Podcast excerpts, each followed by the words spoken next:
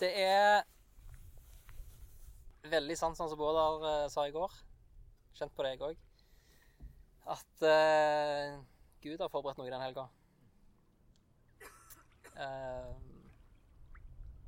det er litt løye, for jeg skal egentlig snakke om Kolosserbrød kapittel 3 og 4. Iallfall kapittel 3 går veldig mye inn på det som Bård snakka om i går. Så får vi en påminnelse i dag òg. Og det er fint. Vi ber litt først. Sjafar, takk for det som vi har fått eh, så langt denne helga. Takk for det som du har forberedt for oss. Uh, jeg ber om at eh, dette ikke bare må bli tom med kunnskap, men at det kan bli til visdom, som vi kan leve etter og ta med oss videre. Jeg ber om at dette er ting som du kan minne oss på. Noe som kan prege formen av vårt liv.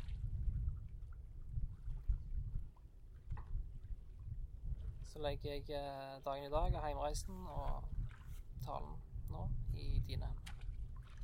Amen.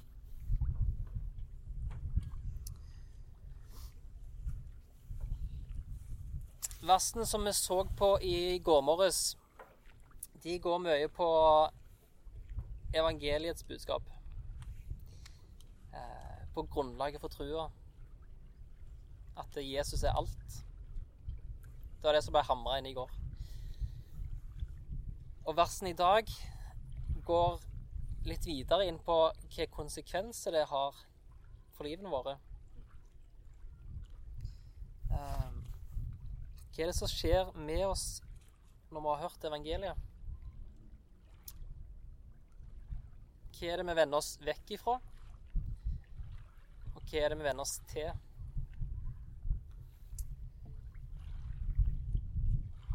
Kapittel 3 det starter med en setning som vi må gå litt i detalj på for å forstå resten av teksten. Der står det Er dere da reist opp med Kristus, så søk det som er der oppe, hvor Kristus sitter ved Guds høyre hånd. Reist opp med Kristus. Det er noe som peker framover mot himmelen. Men det er òg noe som er her og nå. Noe som skjedde ved dåpen. Som han var så vidt innom i kapittel 2. Ved dåpen så ble vi reist opp med Kristus. Og det er kanskje en sånn, en sånn basic grunnforutsetning som vi tar litt for gitt. At den er døpt, og så er det flott og fint. Men det var ganske viktig og vektlagt på den tida. Og det burde kanskje være mer vektlagt i dag òg. Ehm, for vi har stått opp fra de døde for å leve med Kristus. Og Da sier det seg sjøl at vi må søke det som er der oppe.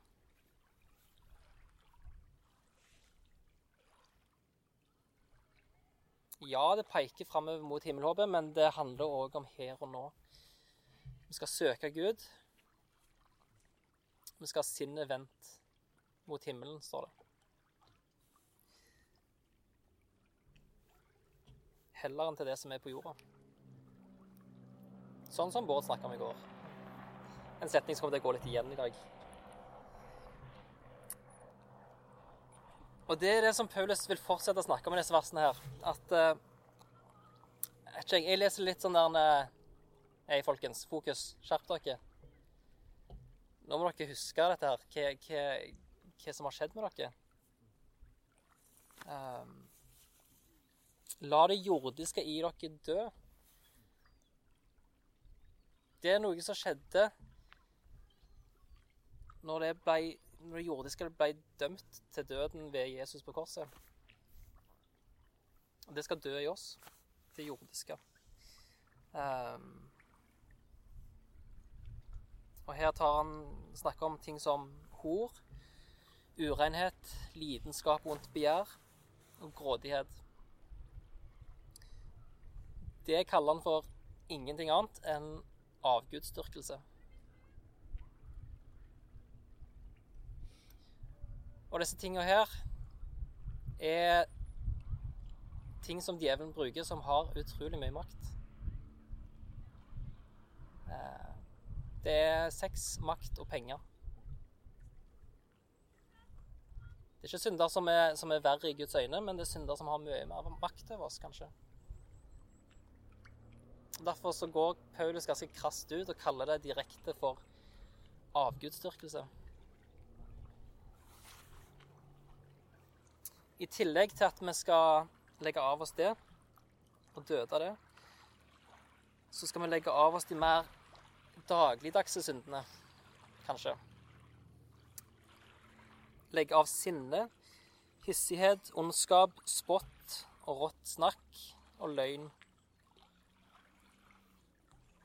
Det var vanlige ting på den tida, i et samfunn der en eh, Det var viktig og det var sentralt i livet. Det var kanskje det største gode i livet å hevde seg sjøl.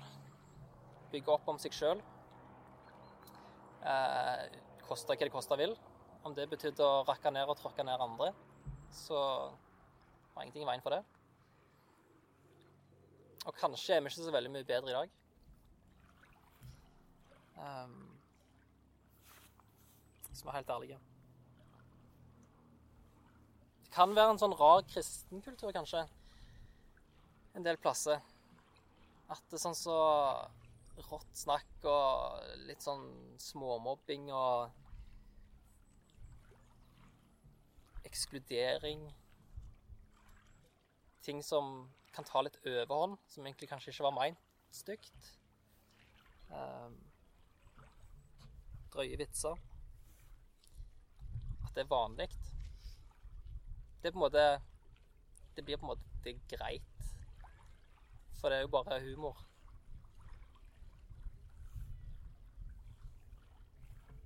Kanskje gjelder det særlig blant oss gutter. Eh, jeg tror nok definitivt finner det hos jentene òg, men dere er kanskje litt smartere, så kommer kanskje ikke så tydelig fram.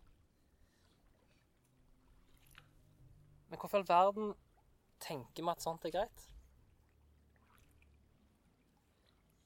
Vi kan lese disse versene her nå sammen. Og være enige at dette er flott og fint, og dette er sant. Og likevel si men ja, men det er jo bare humor.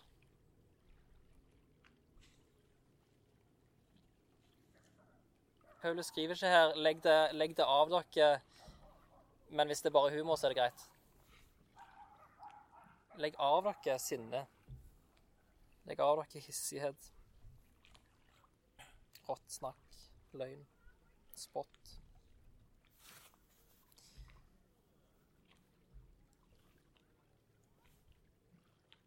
Og Faktum er at vi har, ved at vi har tatt imot Jesus som Herre ved dåpen, at vi har blitt reist opp med ham, så har vi allerede kledd av oss det gamle mennesket. Det gamle mennesket peker til dette livet som, som former oss før, uten Jesus. Det gamle livet, alt det som fører med seg av livsstil, av sjølsentrert fokus. Og ved dåpen så har vi ikledd oss det nye mennesket. Det som blir forma, det som blir fornya etter sin skapers bilde, og lærer han å kjenne. Dette er noe som skjer ved at vi får mer og mer sann kunnskap om Gud, om Jesus. Eh, det er Jesus som virker alt i alle, og det er Jesus som virker en ny skapelse i oss når vi blir en ny skapning, et nytt menneske.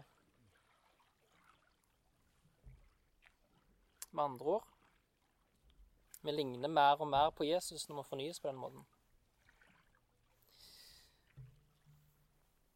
For å spille videre litt på det bildet som Paulus bruker her, uh, med å kle seg, så blir det litt som en skitten, hålete, ødelagt drakt som en kler av seg.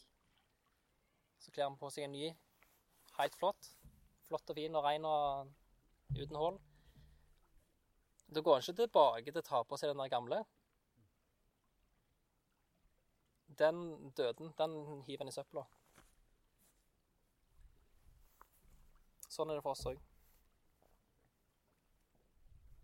Og sånn som jeg har vært inne på, selv om det garderobeskiftet her, selv om det skjedde ved dåpen, så er det noe som eh, som òg skjer hver dag. At vi skal kle oss i det nye mennesket.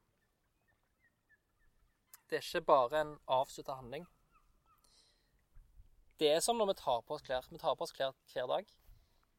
Og det skal vi òg med det nye mennesket. Vi er intet mindre enn Guds utvalgte. Jesus bor i oss ved Den hellige ånd, og vi er elska av den allmektige Gud.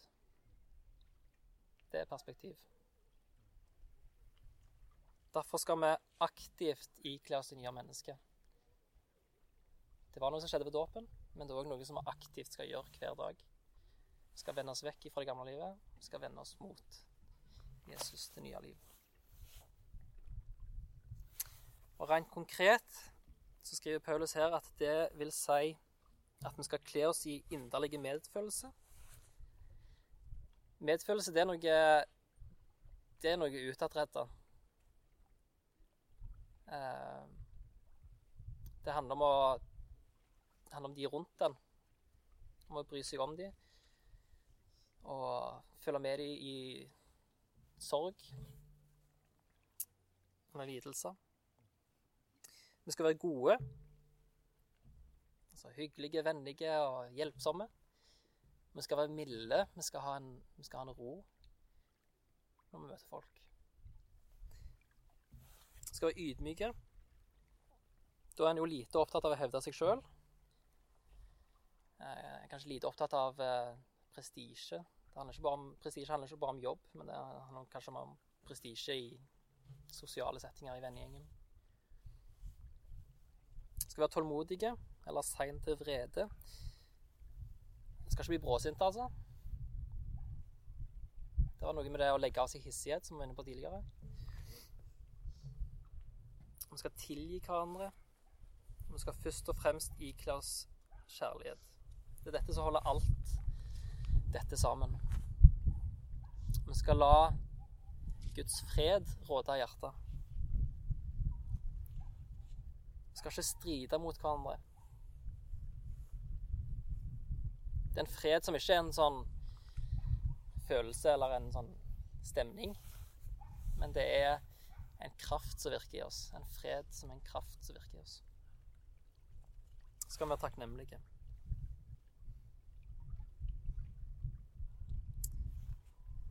Med disse tingene her, med det nye mennesket, så glir Paulus litt over i det som går på fellesskapet. Et fellesskap der Kristi ord skal få rikelig med rom. Og dette er ekstremt viktig i forhold til det, alt det der, den lista vi leste nå med alt vi skal være. Alt vi egentlig er ved dåpen, men alt vi skal vende oss mot òg. Eh, Kristi ord er det som virker alt dette i oss. Og Derfor er det utrolig viktig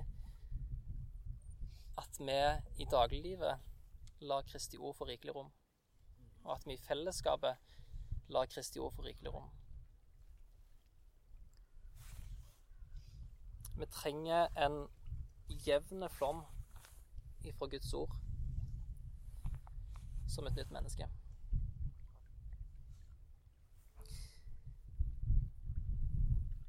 Han snakker om et fellesskap der vi skal undervise hverandre, der vi skal rettlede hverandre.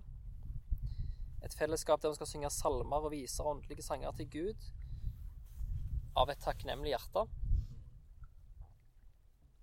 Og alt dette, hele fellesskapet, skal være farga av at det vi gjør, skal skje i Jesu navn, med takk til Gud.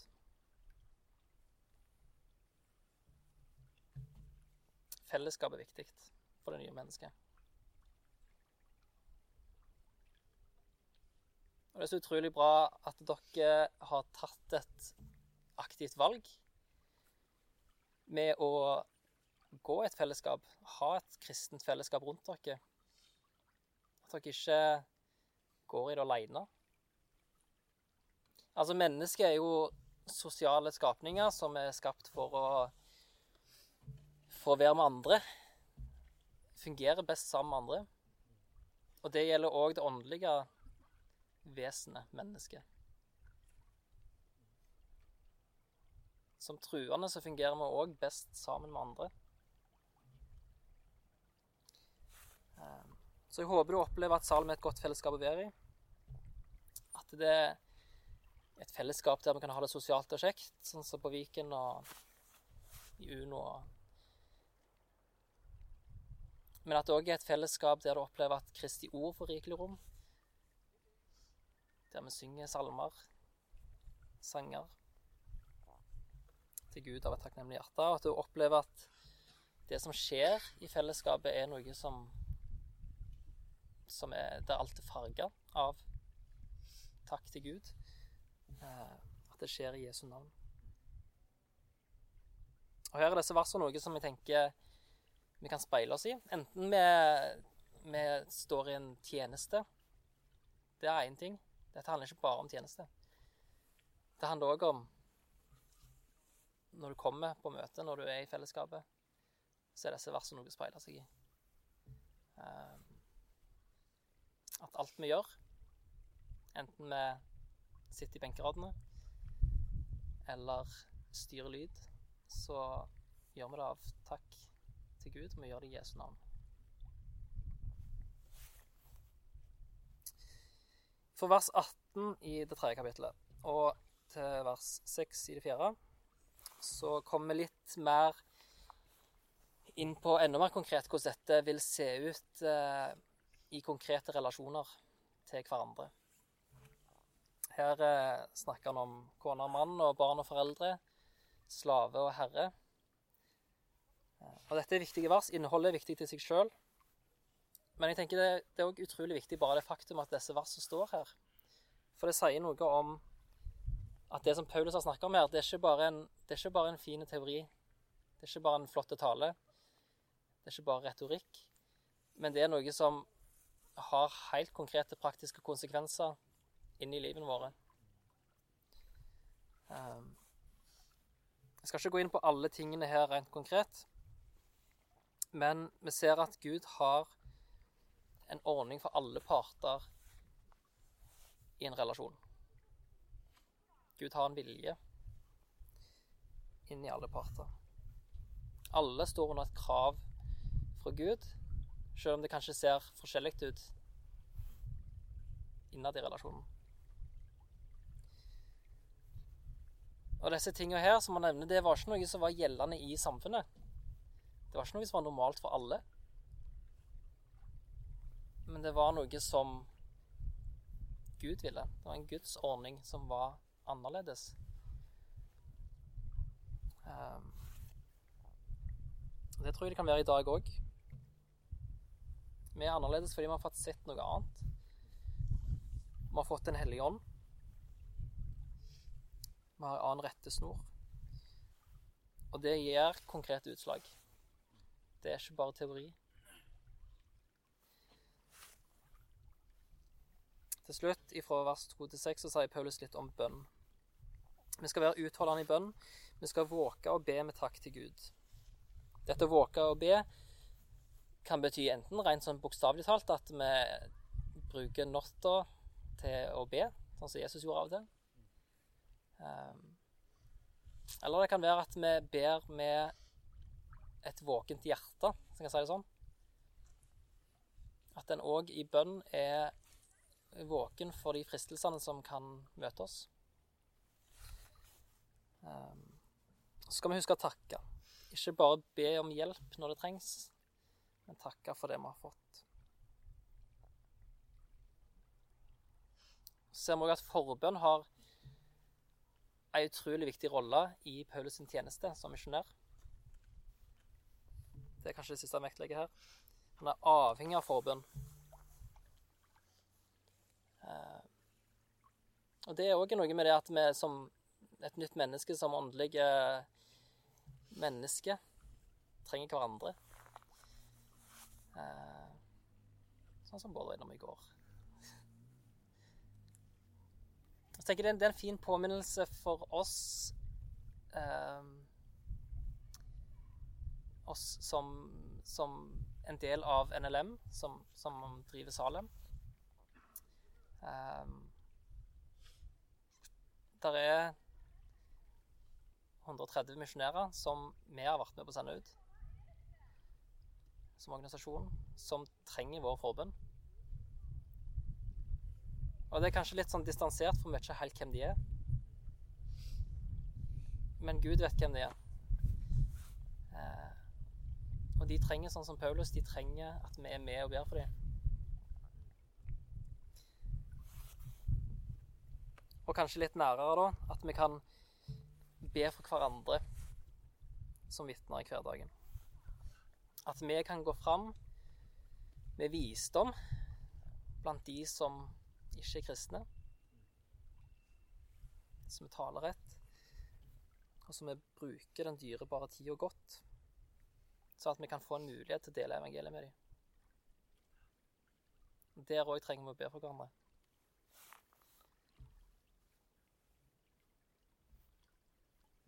Tenk hvis dette med bønn var noe som i større grad preger relasjonene våre.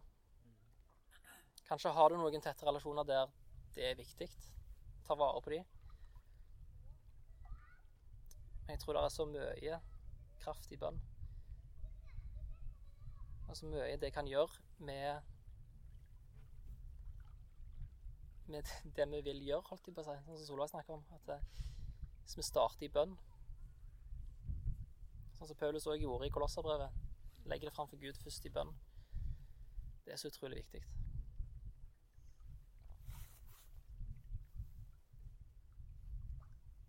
Hmm. De siste versene i kapittel 4 fra vers 7 av er masse hilsener fra en stor gjeng som står rundt Paulus i arbeidet. Jeg, det, jeg skal ikke si så veldig mye om det, men det, det sier noe fint om en kristen enhet, da, om fellesskap. At en står sammen i dette. her. En står ikke alene.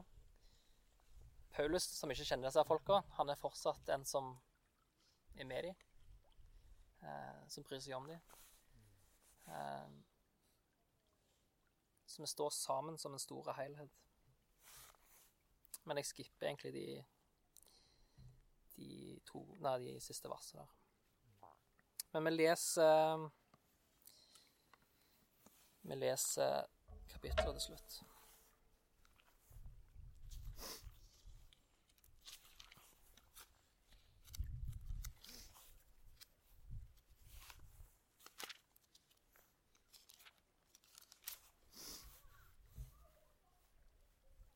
Er dere da reist opp med Kristus, så søk det som er der oppe hvor Kristus sitter ved Guds høyre hånd.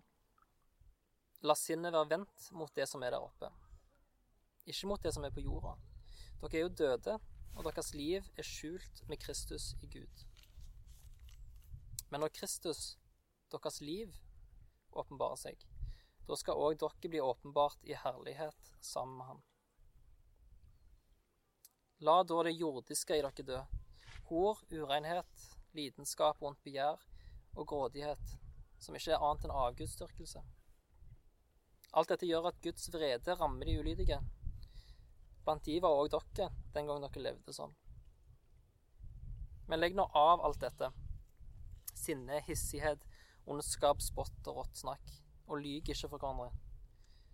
For dere har kledd av dere det gamle mennesket og dets gjerninger, og iført dere det nye, det som blir fornya etter sin skapers bilde, og lærer han å kjenne. Er ikke greker eller jøde, omskåret eller uomskåret, barbar, skytter, slave eller fri. Nei, Kristus er alt og i alle. Dere er Guds utvalgte, hellige og elska av Han. Kle dere derfor i inderlig medfølelse og vær gode, milde, ydmyke og tålmodige, så dere bærer over med hverandre og tilgir hverandre hvis den ene har noe bebreidet den andre. Som Herren har tilgitt dere, skal dere tilgi hverandre. Og over alt dette kle dere i kjærlighet, som er båndet som binder sammen og gjør fullkommen. La Kristi fred råde av hjertet, for til det ble dere kalt til dere ble én kropp. Og vær takknemlige. La Kristi ord Få rikelig rom hos dere. Undervis og rettled hverandre med all visdom. Syng salmer, viser og åndelige sanger til Gud av et takknemlig hjerte. Og la alt dere sier og gjør, skje i Herren Jesu navn med takk til Gud, vår Far, ved ham. Dere kvinner, underordne dere ektemennene deres som det sømmer seg i Herren. Dere menn, elsk konene deres, og vær ikke harde mot dem. Dere barn, vær lydige mot foreldrene deres i alt. Det er til glede i Herren. Dere foreldre, vær ikke så strenge mot barna deres at de mister motet. Dere slaver, Adly deres jordiske herre i alt. Vær ikke øyentjenere som bare vil gjøre mennesker til lags, men adly de av et oppriktig hjerte i ærefrykt for Herren. Alt arbeid skal dere gjøre helhjerta, for det er Herren og ikke mennesket dere tjener. Og dere vet at Herren skal gi dere sin arv som lønn. Tjen Herren Kristus. Men den som gjør urett, skal få lønn som fortjent. Her er det ikke forskjell på folk. Dere som er herrer, behandler slavene deres rett og rettferdig, for dere vet at òg dere har en herre i himmelen. Vær utholdende i bønn, våk og be med takk til Gud. Be òg for oss at Gud må åpne ei dør for ordet, så vi kan forkynne Kristi mysterium, det som jeg nå er i fengsel for. Be om at jeg må tale sånn jeg skal når jeg gjør det kjent. Gå fram med visdom blant de som står utenfor og bruk den dyrebare tida godt. La alt dere sier, være vennlig, og la det ha salt og kraft, så dere vet hvordan dere skal svare hver enkelt. Tykikos skal fortelle dere alt om hvordan jeg har det. Han er en kjær bror, en trofast tjener og medarbeider i Herren. Jeg sender han til dere for at dere skal få høre hvordan det er med oss, og for at han skal gi dere trøst i hjertet. Sammen med han sender jeg Onesimos, vår trofaste kjærebror, som er en av deres egne. Disse to vil fortelle dere alt herfra. Aristarkos, min medfange, hilser dere. Det samme gjør Markus, Barnebars fetter. Dere har fått beskjed om han, ta godt imot han hvis han kommer til dere. Jesus, som har tilnavnet Justus, hilser òg. Disse tre er de eneste omskårne som arbeider sammen med meg for Guds rike. De har vært til stor trøst for meg. Epafras, som en av deres egne, helser òg. Han er en Kristi Jesu tjener og kjemper alltid for dere i bønn. Han ber om at dere må bli stående fullkomne og fullt overbevist om hele Guds vilje. Jeg kan være vitne på at han strever arbeidet for dere og for de som er i Laudikea og Hierapolis. Lukas, vår lege, hilser dere. Demas òg. Hels våre søsken i Laudikea og Nymfa og menigheten som samles i hennes hus. Når dette brevet er lest opp hos dere, så sørg for at det òg blir lest opp i menigheten i Laudikea, og at brevet fra Laudikea òg blir lest opp hos dere. Si til Arkipos, se til at du fullfører den tjenesten du har fått for Herren. Jeg, Paulus, skriver denne helsen med egen hånd. Glem ikke mine lenker. Nåden være med dere. Kjære far, takk for eh, Takk for at vi har fått dette brevet. Eh, det ble skrevet til Kolossai, det skulle leses opp i andre menigheter og i andre byer. Takk for at vi får lov til å lese, lese det her. Vi ber om at eh, du må virke gjennom disse ordene. Uh, enten som snø, at det tar litt tid før det synker inn, eller at det går rett i hjertet. Jeg ber om at eh, vi kan få være et fellesskap der ditt ord har rikelig rom. Der vi Alt vi gjør, det vi synger, det kan eh, Det kan vi gjøre i ditt navn. Med takk til deg, Gud. Amen.